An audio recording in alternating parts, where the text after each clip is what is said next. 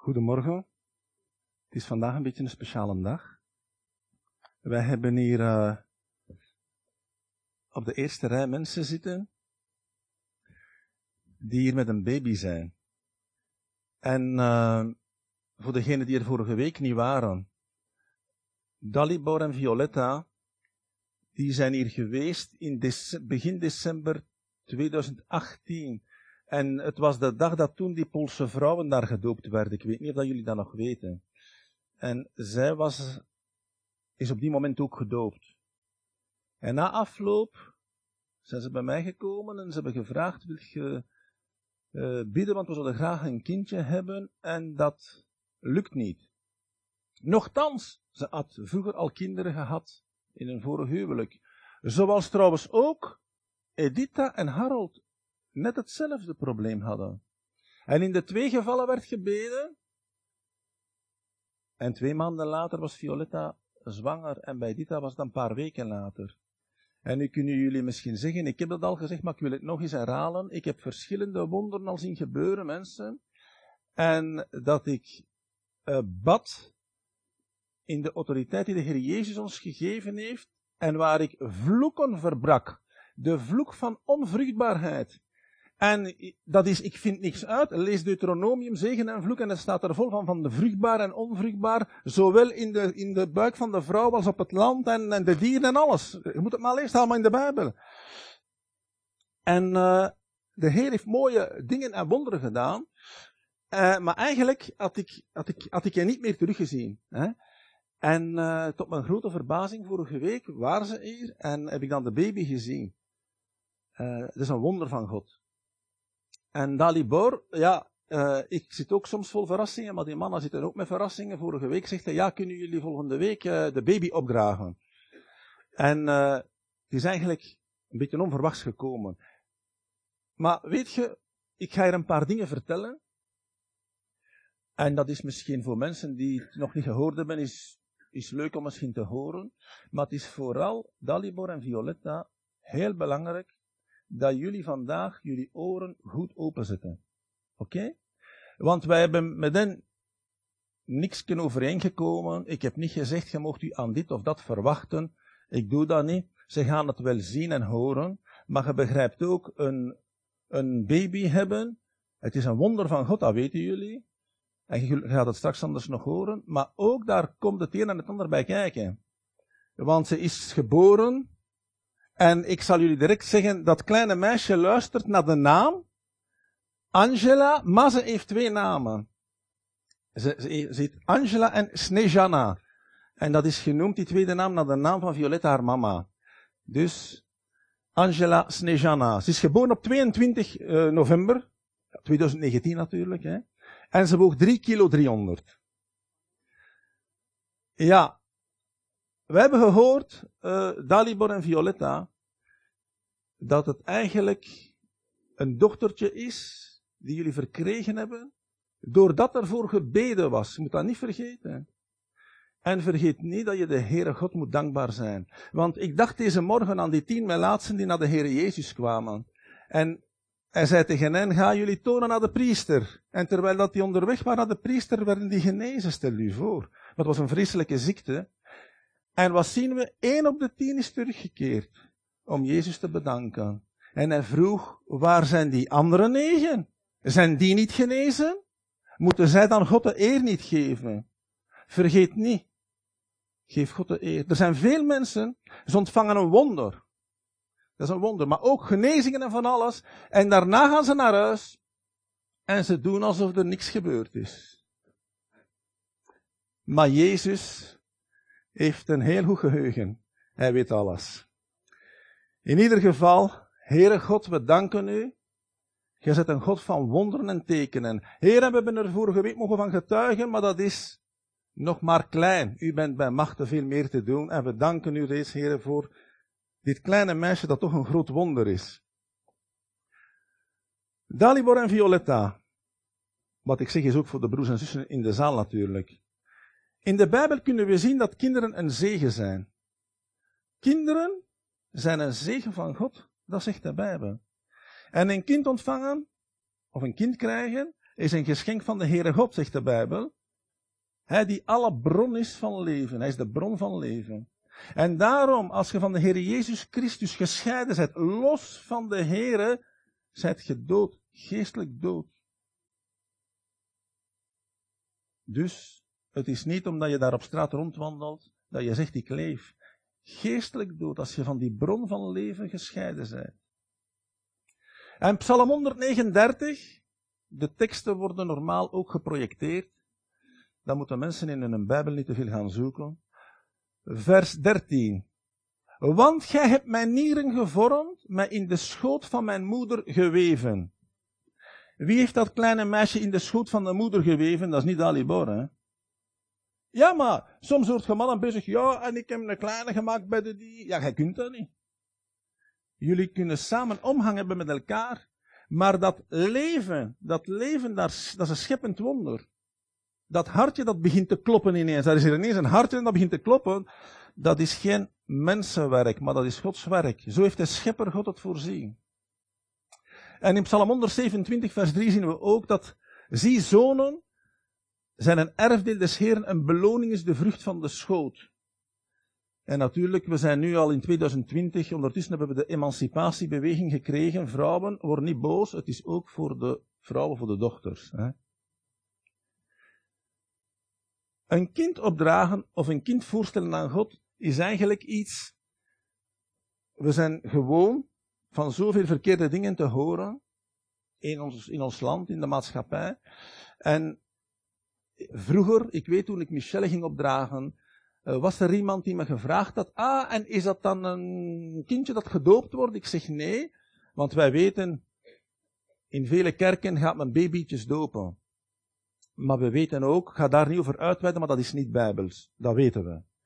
Maar uiteindelijk, ja, zijn er dan soms mensen die zeggen, ja, en de besnijdenis, ja, het is ook niet iets wat de besnijdenis vervangt.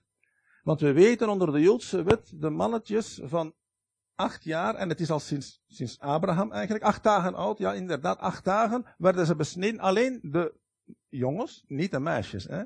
Dus daar heeft het ook niks mee te maken. En als we zouden zeggen, uh, ja, ik weet dat hier iemand zit die soms op zijn bijbelapplicatie op zijn, een woord intikt, hè.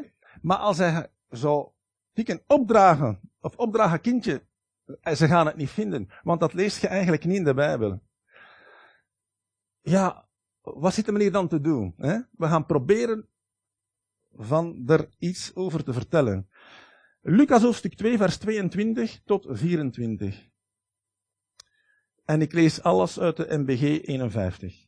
En toen de dagen hunner reiniging naar de wet van Mozes vervuld waren, brachten zij hem, dus zij, dat waren Maria en Jozef, ze brachten hem, de, de baby Jezus, naar Jeruzalem, om hem de Heere voor te stellen. Waarom gingen ze naar Jeruzalem? Om hem de Heere voor te stellen. Gelijk geschreven staat in de wet des Heren. En daar staat, al het eerstgeborene van het mannelijke geslacht zal heilig heten voor de Heere. En om een offer te brengen overeenkomstig hetgeen in de wet des Heren gezegd is, een paar tortelduiven of twee jonge duiven. Nu kunt je zeggen, wat is dat allemaal? Hè?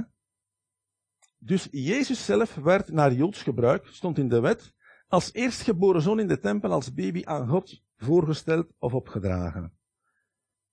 Hij werd daar niet gedoopt, want iedereen weet dat hij op ongeveer 30-jarige leeftijd eh, gedoopt wordt in de Jordaan door Johannes de Doper. En hij koos daar ook zelf voor.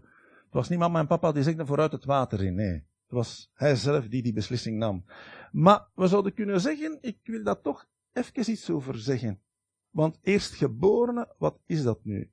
Voor sommige mensen gaat dat misschien, misschien een, ietsje moeilijker zijn, maar we lezen dit eerstgeborene. Jezus was inderdaad de eerstgeborene in dat gezin, want Maria en Jozef hebben achteraf x aantal kinderen gekregen. Maar Jezus was de eerste die daar geboren werd van het mannelijk geslacht. En die, hier staat, hè, de eerstgeborene, dat die van het mannelijk geslacht zal heilig heten voor de Here. En Dalibor en Violetta, wat betekent dat nu heilig heten voor de Heer? Dat betekent apart gezet voor God. Apart gezet.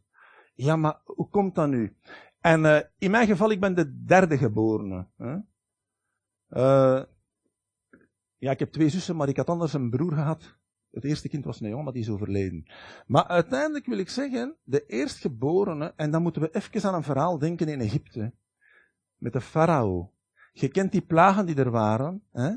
En uh, we weten dat toen op een bepaald moment God gezegd had, wel, breng het bloed van een, een lam of een ram van het mannelijke geslacht en zo verder. Hè? Breng dat bloed aan de deurstijlen aan, de deurposten van je huis. En daar zal eigenlijk de dood voorbij gaan. Voor degenen die dat doen. Maar degenen die dat niet doen, wat ging daar gebeuren? De eerstgeborene van het mannelijk geslacht, niet de meisjes, de jongens, eerstgeboren, die ging sterven. Laat het ons zo zeggen, die vallen daar allemaal dood in de grond. En dat was ook voor de dieren zo. Maar we zijn hier onder mensen dus. Hè. Maar uiteindelijk, nu kunt je zeggen, ja, de eerstgeborene. En wat gebeurt daar in Egypte? Eigenlijk, we zien de mensen die dat bloed hadden aangebracht, dat bloed van dat lammeke, die eerstgeborene van die families, oef, die blijft te leven. En eigenlijk, wij worden bepaald. Wij hier worden bepaald bij dat. En daarom zeggen ze, die eerstgeborene van elk gezin, in het geval van Jezus, vergeet niet dat die hinder in Egypte gestorven zijn. Weet je het nog? Dat is genade van God. Dus geef dat maar aan mij en behoort mij toe. Nu kunt je zeggen, ja, wat heeft dat met ons klein te maken? Wel, in het Nieuwe Testament, we lezen, en dat is die laatste tekst, Glen van Hebreeën. Hebreeën hoofdstuk 12, 22 tot 23, daar staat het volgende. Maar, dus dat is Nieuw Testament, hè, jongens. Maar gij zijt genaderd tot de berg Sion, tot de stad van de levende God, het hemelse Jeruzalem. Wow, het hemelse Jeruzalem. En tot die tienduizenden van engelen. En tot een feestelijke en plechtige vergadering van eerstgeborenen. Die ingeschreven zijn in de hemelen en tot God de redder over allen en tot de geesten de rechtvaardigen die de volleinding bereikt hebben. Maar, wat staat daar nu? Eerstgeborenen. Met andere woorden, door het bloed van het lam van God, de Heer Jezus Christus, al diegenen die daarin geloven en hebben aangenomen, hè, dus we zouden kunnen zeggen, de wedergeboren christenen die geloven in dat bloed van Jezus, dat hij zijn leven, zijn bloed vergoten heeft voor ons, die worden eigenlijk beschouwd als eerstgeborenen die vrijgekocht zijn. En dat is dan voor iedereen die gelooft in dat bloed. Ik geef daar even uitleg bij, omdat er zoveel teksten zijn dat we soms zouden zeggen, ja, wat is dat allemaal? Hè? Ik weet niet of die verduidelijking, verduidelijking gebracht heeft, maar ja, dat is een andere zaak. Nu, dus we zien in dat Oude Testament, Jezus die werd daar aan God opgedragen. En sommige mensen denken, ja, maar dat was eh, de besnijdenis zeker. Nee, nee, want dit was de veertigste dag. Want een vrouw was veertig dagen onrein volgens de Joodse wet. Maar het Nieuwe Testament. Het Nieuwe Testament. Straks mag ze naar voren komen, maar het is nog te vroeg. Het Nieuwe Testament. We hebben daar de drie evangelisten, Matthäus, Marcus en Lucas, die ons iets vertellen in verband met de kinderen. En we zien Matthäus 19, de tekst wordt geprojecteerd, denk ik. Toen werden kinderen tot hem gebracht, tot Jezus, opdat hij hun de handen zou opleggen en bidden. Dus, handen opleggen en bidden. Doch de discipelen bestraften hen. Dus die leerlingen die dat bij Jezus waren, die zeggen, ja, ze moesten de meester niet om lastig vallen. Maar Jezus reageert daarop. Laat de kinderen geworden en verhinder ze niet tot mij te komen. Want voor zodanigen is het koninkrijk der hemelen. En hij legde hun de handen op en vertrok vandaar. Dus Jezus die zegt, laat die kinderen toch tot mij komen. Je moet ze niet tegenhouden. En hij zegt zelf nog, voor zulke is het koninkrijk van God, het koninkrijk der hemelen. Ja. Marcus, daar lezen we het als volgt. Ze brachten de kinderen tot hem, opdat hij ze zou aanraken, doch de discipelen bestraften hen. Toen Jezus dat zag, nam hij het zeer kwalijk en zei, laat de kinderen tot mij komen. Verhinder ze niet, want voor zodanigen is het koninkrijk gods. Voorwaar ik zeg u, wie het koninkrijk gods niet ontvangt als een kind, zal het voorzeker niet binnengaan. En hij omarmde het, legde hun de handen op en zegende ze. Zeg, wat hebben we nu gezien? Handen opleggen, bidden en zegenen. Akkoord? Akkoord? En Lucas, ze brachten hun kleine kinderen, dus kleine kinderen, tot hem, opdat hij ze zou aanraken. Toen de discipelen dat zagen, bestraften ze hen. Maar Jezus riep ze tot zich en zeide, laat de kinderen tot mij komen en verhinder ze niet, want voor zodanigen is het koninkrijk van God. Ik heb nu een vraag. Hier zitten hier allemaal volwassenen. En een hele hoop mensen die alles nog ouder zijn dan ik. Ja, moeten we dan allemaal kinds blijven of zo? Sommigen sommige gedragen zich nog als kinderen, hè, dat weten we. Maar, ja, hoe zit dat nu? We mogen een keer lachen, hè Jan? Hè? Nee, maar, maar het is waar. Het, ja, nee, uiteindelijk, dat kinderlijke geloof, zie je het? Uh, eigenlijk voor Jezus zeggen, Heere, hier ben ik. Hè. Dat kinderlijke geloof. Aannemen, en als de Heer iets zegt van, ja, oké, zie het? volwassenen gekend dat. Ja, maar ik vind, en ik vind dat, en, en ik vind zus. Ze weten het allemaal beter. Ze weten het beter als God. Dus uiteindelijk een kinderlijk geloof. Hè?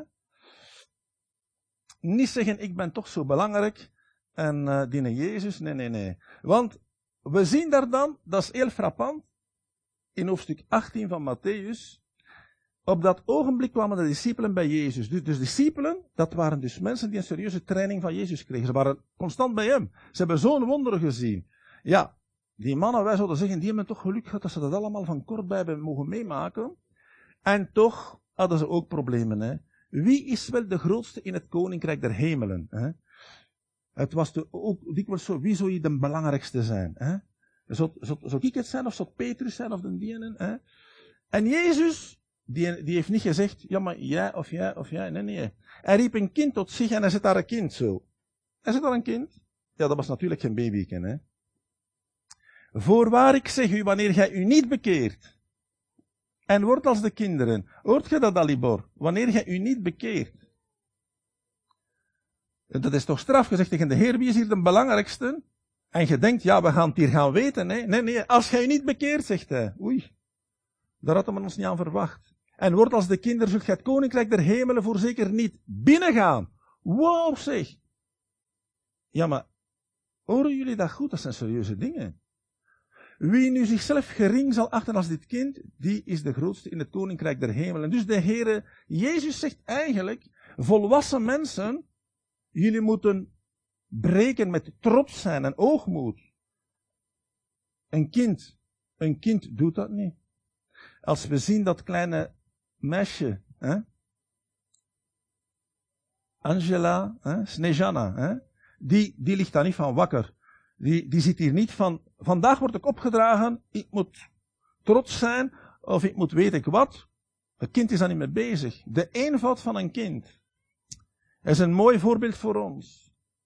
Nu komen we aan een belangrijk element. Dus, ouders, doe jullie oren open.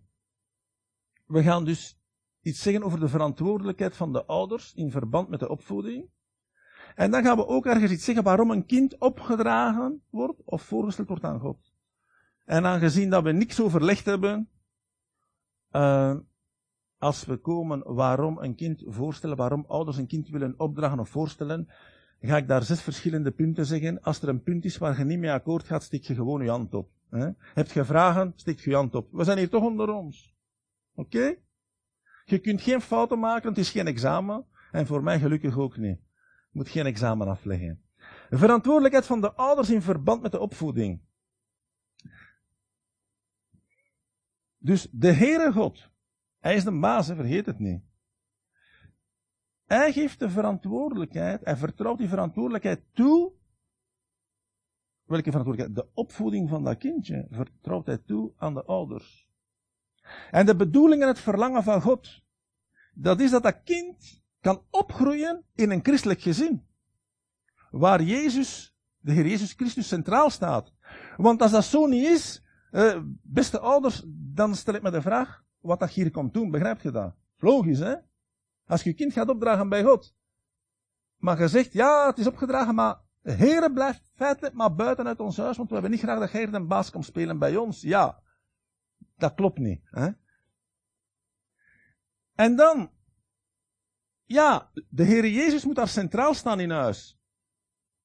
En een liefdevol, warm nestje, een warme thuis, moet dat zijn voor uw kind.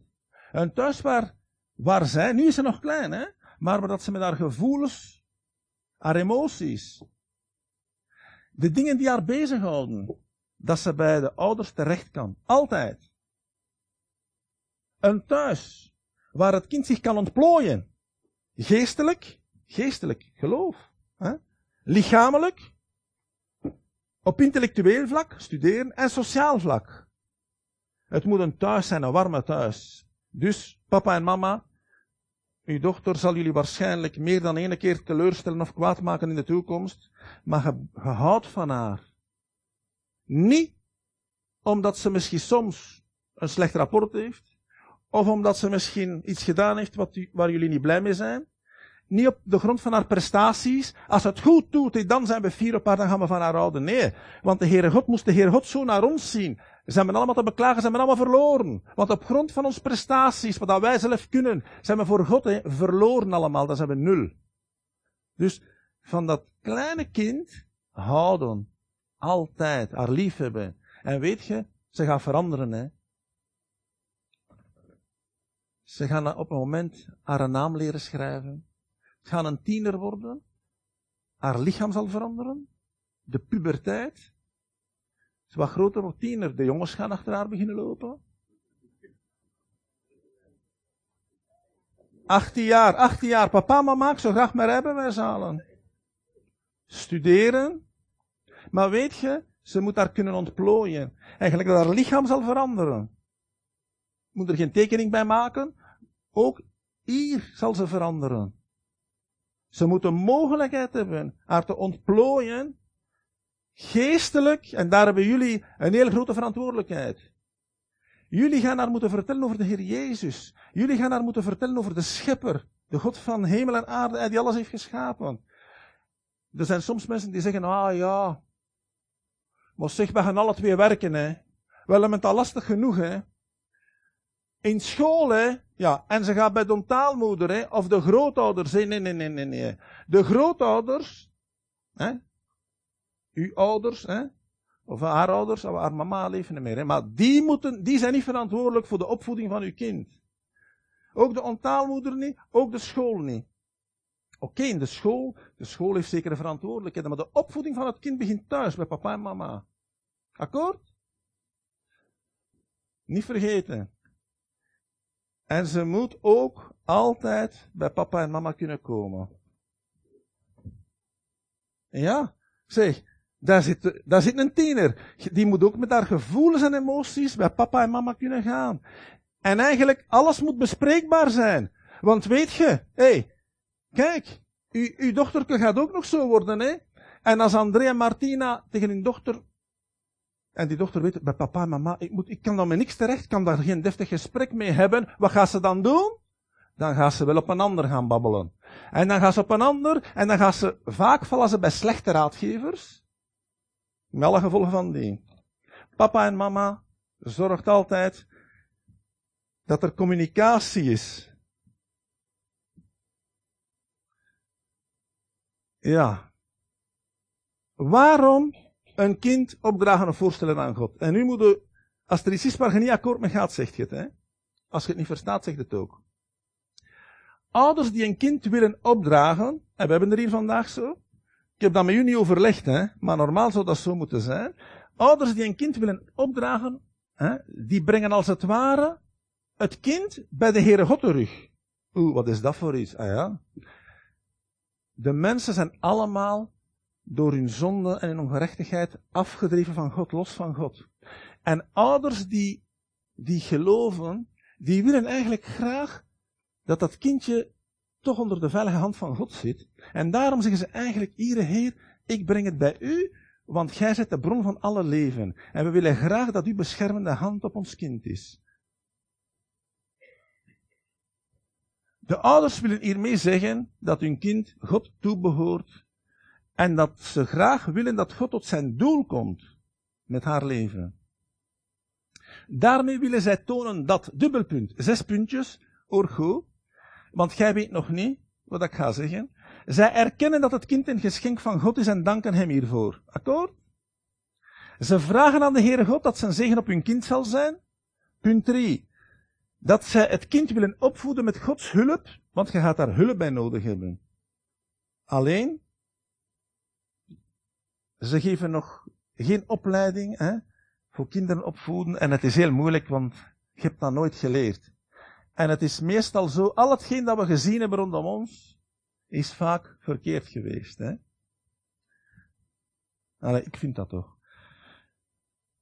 Dus zij willen tonen dat ze het kind willen opvoeden met Gods hulp in geloof. In geloof, niet vergeten. En met ontzag voor de Heere God. Dat wil zeggen, met groot respect voor God. Dat dat kindje dat van kleins af gaat horen thuis. Ze willen ook tonen dat ze het kind een liefdevolle, warme thuis willen geven. Daar heb ik net over gesproken. Punt 5. Ze willen tonen dat ze het kind gaan vertrouwd maken met de Bijbel, met gebed, aanbidding van God en met de Heer Jezus Christus. Dat is logisch. Natuurlijk, als je nooit naar een gemeente gaat, dat kind gaat thuis nooit geen Bijbel zien, zou je nooit bidden, en ze is 18 jaar, en ze hoort ergens, huh? bidden, uh, aanbidding, uh, de Bijbel. Nee, dat is niet normaal. En de ouders willen tonen dat ze graag willen dat de gemeente waarvan Jezus Christus het hoofd is, in dit alles naast hen staat. Dat zijn zes punten. En dat laatste punt is ook een belangrijk punt. Het kind bij God brengen of het kind aan God voorstellen in het midden van de gemeente noemen we opdragen. Maar ja, Dalibor, de gemeente. Zeg, kunnen wij dan niet thuis, jong, onder ons? Je kunt alles. Maar waarom gebeurt dat in de gemeente? De gemeente waarvan Jezus Christus het hoofd is, de gemeente is eigenlijk het gezin van God. Daarmee bedoel ik niet, Betanië, ga niet vertellen, Luc heeft gezegd, Betanië, hè? het is niet Betanië alleen, de gemeente, dus alle christengemeenten, wereldwijd is de gemeente van God. En dat wordt beschouwd als het gezin van God. En daarom is het zo dat gelovigen, dat christenen hun kinderen in het gezin van God laten opdragen. En ze verwachten ook, als er problemen zijn of moeilijkheden of wat dan ook, of raad, dat de gemeente hun bijstaat. En feitelijk, de gemeente zit hier misschien passief op de stoel, maar in feite, de gemeente heeft daar ook een rol te spelen. Want wij kunnen, wij moeten eigenlijk ook uh, dat koppel helpen en die kinderen als die later, want hierin hebben we geen kinderclubs omdat er eigenlijk geen kinderen zijn, maar eigenlijk de kinderen worden ook bijgestaan, geholpen over Jezus. Dus de gemeente heeft daar eigenlijk ook een opdracht. Het is niet van te zeggen, het is een kind, hè, verstaat je? En je kunt jij er twintig kinderen hebben en je zegt, we trekken er allemaal niks van aan. Eigenlijk is dat niet correct. We hebben daar, dat is een wisselwerking, hè, dat, we, dat je elkaar kunt bijstaan en opbouwen. Daarom is het niet goed dat mensen alleen zijn. En de, de dag van vandaag zijn er veel mensen die zeggen, oh, een gemeente, dat is toch niet nodig als je in Jezus gelooft en zo. Ik kan alleen in Jezus geloven en met een Bijbel thuis. Maar we lezen toch ook, verzuim uw zondag, verzuim uw samenkomsten niet. Hè? Dat, dat, dat staat letterlijk in de Bijbel. Ik denk dat het allemaal duidelijk is. En nog een en nog een Bijbelvers om alle twijfels weg te nemen. Deuteronomium, wij halen dus het Oude Testament terug boven, hè man. Deuteronomium, hoofdstuk 6, vers 4 en 7. Hoor Israël, de Heere God, de Heere is onze God, de Heere is één. Gij zult de Heere uw God lief hebben, met geheel uw hart en met geheel uw ziel en met geheel uw kracht. Wat ik u heden gebied zal in uw hart zijn. Gij zult het uw kinderen inprenten. Inprenten, dat is niet van ene keer zeggen of twee keer zeggen. Hè? En daarover spreken, wanneer, wanneer jij thuis zit, wanneer jij onderweg bent, wanneer jij nederligt en wanneer jij opstaat. Dat is heel duidelijk. Zeg. En dat is de Heere God die dat laat weten aan het volk via zijn dienstknecht Mozes. Jij zult er altijd over spreken met uw kinderen. Wow. Psalm 90, vers 16. Laat uw werk aan uw knechten openbaar worden en uw heerlijkheid over hun kinderen. De lieflijkheid van de Heere onze God zij over ons en bevestigt gij het werk onze handen. Over ons, ja, het werk onze handen bevestigt dat. En nu gaan we daar even de naam van papa en mama invullen. Laat uw werk aan uw knechten, Dalibor en Violetta, openbaar worden. En uw heerlijkheid over hun kinderen. De lieflijkheid van de Heer onze God zij over Dalibor en Violetta. En bevestigt gij, Heere God, het werk van uw handen over hen? Ja, het werk van uw handen bevestigt dat. Um, we gaan nu beginnen aan het opdragen van het kind. Ik zou willen vragen dat de oudsten naar voren komen. En ook de ouders, Dalibor en Violetta, met Angela Snejana. En ik noem telkens de twee namen, omdat de moeder dat uh, wenst. Dat is toch juist, hè? Ja. De oudste van de gemeente, ja, ja en, en alleen mannen, actie. hey, het is staking of wat? wow. En zeg, beste broers en zussen, en wat ik er toch nog bij wil zeggen, we mogen dankbaar zijn ook voor de oudsten in de gemeente, dat de oudsten dat toch de in Betanië, en dat hebben nogal mensen gezegd tegen mij, hè, in Betanië zie je dat er toch liefde is, er is vrijheid, en we mogen daar dankbaar voor zijn. Zeg, wij vinden het allemaal misschien gewoon of normaal, maar we mogen daar dankbaar voor zijn. Echt waar.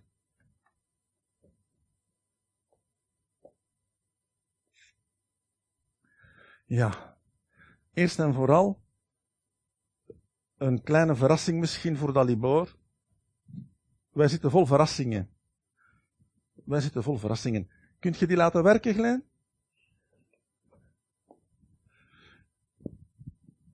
Kan de papa even kort gewoon de heren danken voor jullie babytje? We danken Heer Jezus uh, voor vandaag, Heer. Dank u wel, Heer Jezus. Dat een wonder voor ons gedaan hebt, Heer Jezus. Dat jij ons een dochtertje gegeven hebt, Heer Jezus. Dank u wel, Heer Jezus, ervoor in naam. Amen. Amen. Is goed.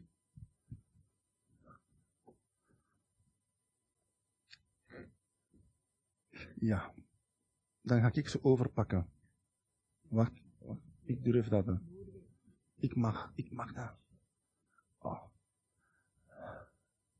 Gemeente. Angela Snejana. Nee. Oh. Heere God Vader, we danken u voor dit grote wonder. En we brengen dit kind bij u. Oh ja. Lieve Angela Snejana, mogen de Heere u zegenen en u behoeden. Mogen de Heere zijn aangezicht over u laten lichten en u genadig zijn. Mogen de Heere zijn aangezicht over u verheffen en u zijn vrede geven. Heere God, zo willen wij uw naam op dit meisje leggen. En we bidden dat uw beschermende hand op haar zal zijn en dat gij tot uw doel gaat komen met haar leven.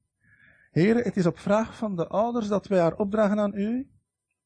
En we doen dit alles in geloof in de machtige naam van de Heer Jezus Christus. Amen. Alsjeblieft, mama. En de, in de oudsten.